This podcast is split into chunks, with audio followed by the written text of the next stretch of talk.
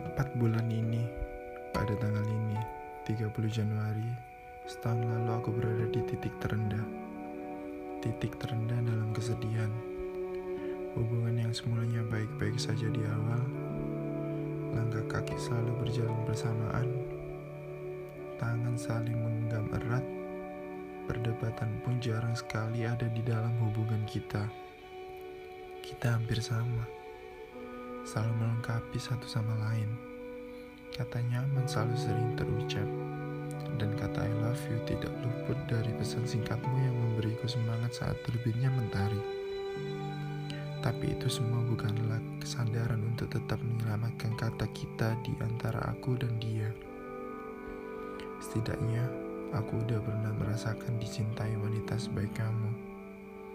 Dia wanita yang selalu mengajarkanku akan kata cinta kesabaran, dan ketulusan.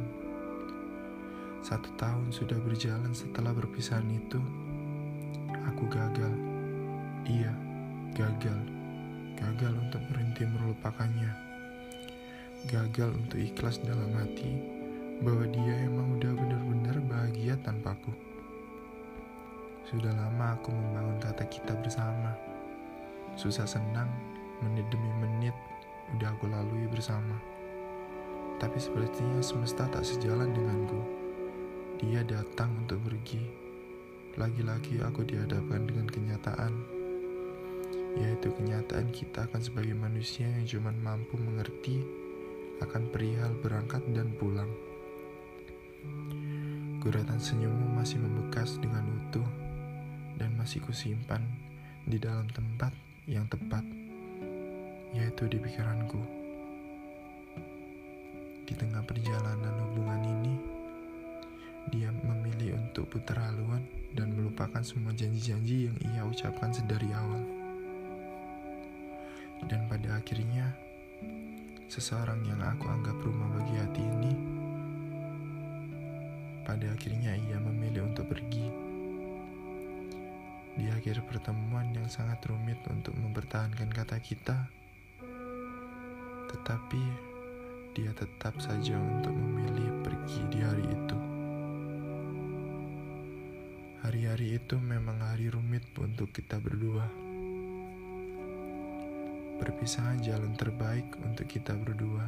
Mesti hati berkata tidak baik-baik saja. Lalu dia memelukku sambil menangis dan aku masih ingat betul kata-kata terakhirnya dia bilang kalau kita berjodoh, pasti bertemu. Setelah kita lelah di tengah-tengah berjalan menuju komitmen-komitmen dan janji-janji kita di awalan cerita, dia lebih memilih untuk mundur dibandingkan jalan lurus menuju komitmen dan janji-janji kita. Dia memilih arah selatan, sedangkan aku menuju ke utara karena di sana ada yang memberi kenyamanan lebih. Yang awalan kita sedekat nadi, sekarang pun menjadi dingin, tak saling mengenal, tak saling menyapa. Seolah-olah kita tak pernah bertemu sebelumnya. Semenyeramkan itu emang.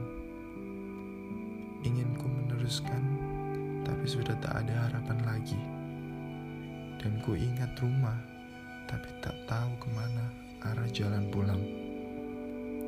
Aku tersesat dalam harapan-harapan yang membawaku jauh dari kata rumah. Tak lama setelah meninggalkanku, dan aku pun tersesat dalam sebuah harapan. Dia telah jatuh di hati pria lain. Sesak melihatnya, hancur semua penantian akan dia untuk kembali, namun nyatanya tak mungkin. Sekarang, aku merindukanmu, merindukan akan semua hal tentang kamu. Rindu di saat kita berbagi canda, rindu saat kita berbagi derita, dan ku pun rindu akan caramu memperlakukanku. Aku udah yakin dia bahagia di luar sana dengan pilihannya. Karena aku sering melihatnya dia dari kejauhan. Kata rindu sendiri memang tidak bisa sering diatur. Apalagi aku sedang mencintainya. Mencintainya dalam bayang lebih tepatnya. Aku udah tak tahu emang bikin sakit. Tapi apa boleh buat, logika tidak berjalan selaras dengan hati. Logi ber, logika berkata ini tidak mungkin. Tapi hati berkata, aku mencintainya. Dan sekarang aku paham. Di awalan cerita dia berkata seperti itu, selalu memberi janji-janji dan komitmen karena dia sedang bahagia tanpa memikirkan bahwa komitmen dan janji tidak bisa dibuat untuk main-main. Dan apa pun yang terjadi di depan sana, kalau udah komitmennya ya kita pegang sebaik-baik mungkin. Apalagi kalau udah menyangkut hati.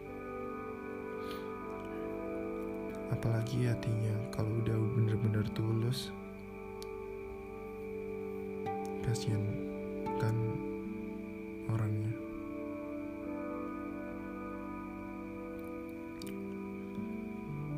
namun komitmen emang nggak bisa untuk dibuat main-main tetapi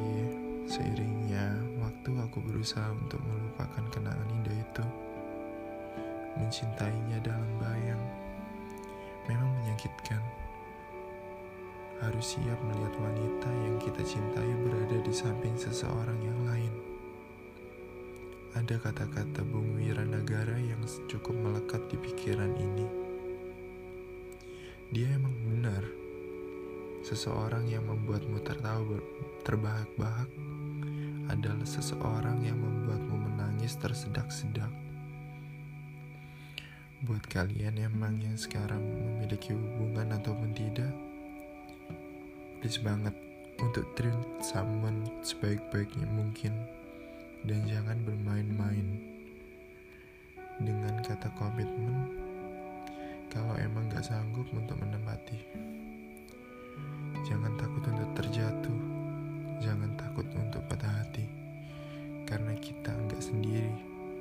sebagai manusia boleh berekspektasi lainnya semesta yang akan menentukan di dalam kesepian banyak yang mendekat, datang, dan pergi. Memang kita itu tidak selalu sendiri. Namun untuk sendiri itu adalah sebuah pilihan.